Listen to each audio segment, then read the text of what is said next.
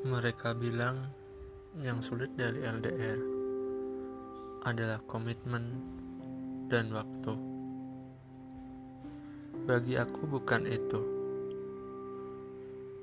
Yang sulit dari LDR adalah ketika dia sedang di sana dengan jutaan momen. Mulai dari momen bahagia, sedih, konyol, stres, sakit, momen membanggakan, serta jutaan momen lainnya yang dia lalui di sana. Sedangkan aku hanya bisa di sini, tidak bersamanya.